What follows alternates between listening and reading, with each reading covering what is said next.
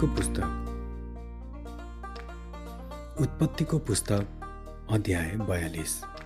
मिश्रमा अनाज छ भनी थाहा पाएपछि याकुबले आफ्ना छोराहरूलाई भने तिमीहरू किन एकअर्काको मुख हेराहेर गर्दै बस्छौ?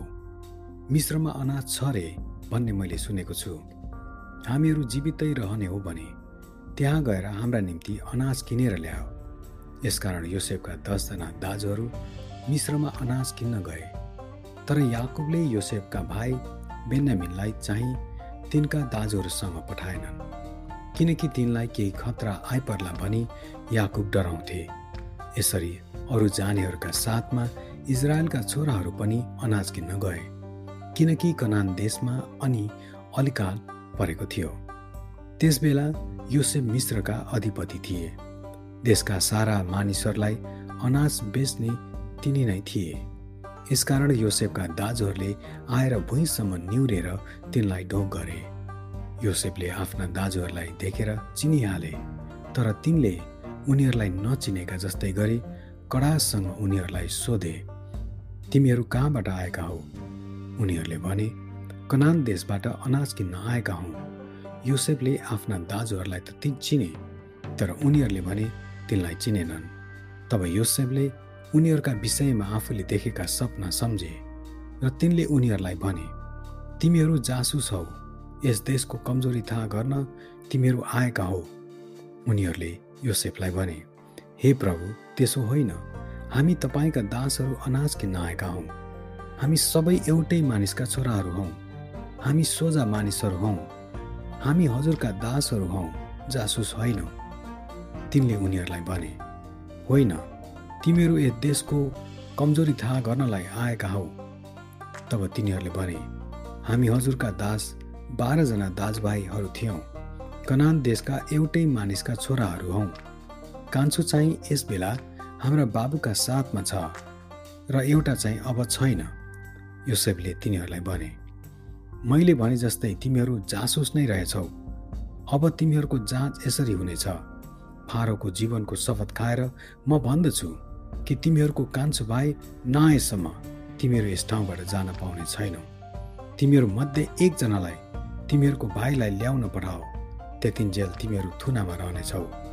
यसरी तिमीहरूको कुरा सत्य हो कि होइन जाँचिनेछ। नत्र त फारोको जीवनको शपथ खाएर म भन्दछु कि तिमीहरू जासुसै हौ। अनि योसेफले उनीहरूलाई एकसाथ तिन दिन थुनामा राखे। तेस्रो दिन योसेफले उनीहरूलाई भने यसो गर र तिमीहरू बाँच्नेछौ किनकि म परमेश्वरसँग डराउँदछु यदि तिमीहरू इमान्दार हौ भने तिमीहरू दाजुभाइहरू मध्ये एकजना यस थुनामा बस र बाँकी चाहिँ अनिकालमा तिमीहरूका परिवारको भोक मार्नलाई अनाज बोकेर जाओ। तर तिमीहरूको कान्छो भाइलाई यहाँ म कहाँ ल्याओ? यसरी तिमीहरूको कुरा साँचो ठहरिनेछ र तिमी मर्ने छैनौ। उनीहरूले त्यसै गरे। उनीहरू एकले अर्कालाई भने साँच्ची नै हाम्रो भाइको विषयमा हामी दोषी छौँ किनकि त्यसले हामीसित बिन्ती गर्दा हामीले त्यसको मनको व्याकुलता देखेर पनि त्यसको कुरा सुनेनौँ। यसकारण यो सङ्कट हामीमाथि पर्न आएको हो। रुबेनले उनीहरूलाई जवाफ दिए त्यस ठिटाको विरुद्ध अपराध नगर भनी मैले तिमीहरूलाई भनेको होइन तर तिमीहरूले सुन्दै सुनेनौ। अब त्यसका रगतको बदला हामीले भोग्नुपर्छ। योसेफ र तिनका दाजुभाइहरूका बिचमा दोभाषे भएको हुनाले उनीहरूको कुरा योसेफले बुझ्छन् भरी उनीहरूलाई थाहा भएन। योसेफ उनीहरूबाट एकातर्फ फर्केर रोए तर फेरि उनीहरूतिर फर्केर उनले तिनीहरूसित कुरा गरे। तिनले उनीहरूलाईबाट सिमियोनलाई लिएर उनीहरूका आँखाकै सामुन्ने उनलाई बाँधे। योसेफले उनीहरूका घोक्राहरूमा अनाज भरिदिनु र उनीहरूका आआफ्ना चाँदीका सिक्काहरू धोक्रामै हालिदिनु। र उनीहरूको बाटोको निम्ति उनीहरूलाई सामल तुमल दिनु भनी हुकुम गरे। तिनीहरूका निम्ति त्यसै गरियो। तब आफ्ना गदाहरूमा अनाज लादेर उनीहरू त्यहाँबाट हिँडे। बास बस्ने ठाउँमा उनीहरू मध्ये एकजनाले आफ्नो गदालाई दाना दिन घोक्रो फुकायो। आफ्नो चाँदी धोक्रोको मुखैमै देखे। उनले आफ्ना दाजुभाइहरूलाई भने मेरो साथी त फर्काइदिएस् क्यारे? हेर यो यहाँ मेरो धोक्रोको मुखैमा रहेछ यसमा उनीहरूले हंसले ठाउँ छोड्यो र उनीहरू थरथर कामदै र एकअर्कालाई हेराहेर गर्दै भन्न लागे परमेश्वरले हामीलाई यो के गर्न लाग्नुभयो? जब उनीहरू कनान देशमा आफ्ना बाबु याकुब कहाँ आइपुगे तब उनीहरू माथि भएको कुरा सबै तिनलाई यसो भनेर बताए त्यस देशका मालिकले हामीसित कठोर बोली गरे।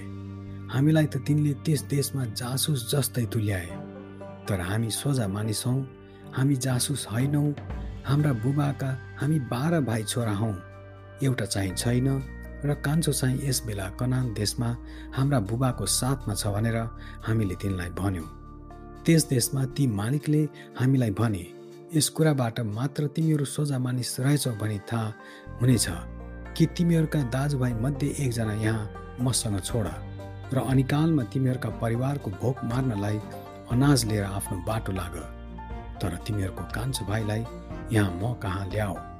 तब मात्र तिमीहरू जासुस होइनौ तर सिधा मानिस रहेछौ भन्ने मलाई थाहा हुनेछ। र म तिमीहरूको भाइलाई तिमीहरूका हातमा सुम्पनेछु र तिमीहरू यस देशमा लेनदेन गर्न पाउला। उनीहरूले आफ्ना धोक्राहरू खन्याउँदा उनीहरू हरेकका चाँदीको पोको आआफ्नो धोक्रामा रहेछ। जब उनीहरूले र उनीहरूका बुबाले ती चाँदीका पोकाहरू देखे तब उनीहरू डराए। उनीहरूका बुबा याकुबले उनीहरूलाई भने तिमीहरूले त मेरा छोराहरू मबाट खोसेर मलाई अति शोकित तुल्याएका छौ। योसेप छैन सिमियोन छैन अब बिन्यामिनलाई पनि लैजान खोज्छौ। यी सबै घटना मै माथि पर्न आएको छ। तब रुबेनले आफ्ना बाबुलाई भने यदि मैले बेन्यामिनलाई तपाईँ कहाँ ल्याइन भने मेरा दुई छोराहरूको प्राण लिनुहोस्। बेन्यामिनलाई मेरो जिम्मामा दिनुहोस्। त्यसलाई म तपाईँ कहाँ फर्काएर ल्याउनेछु?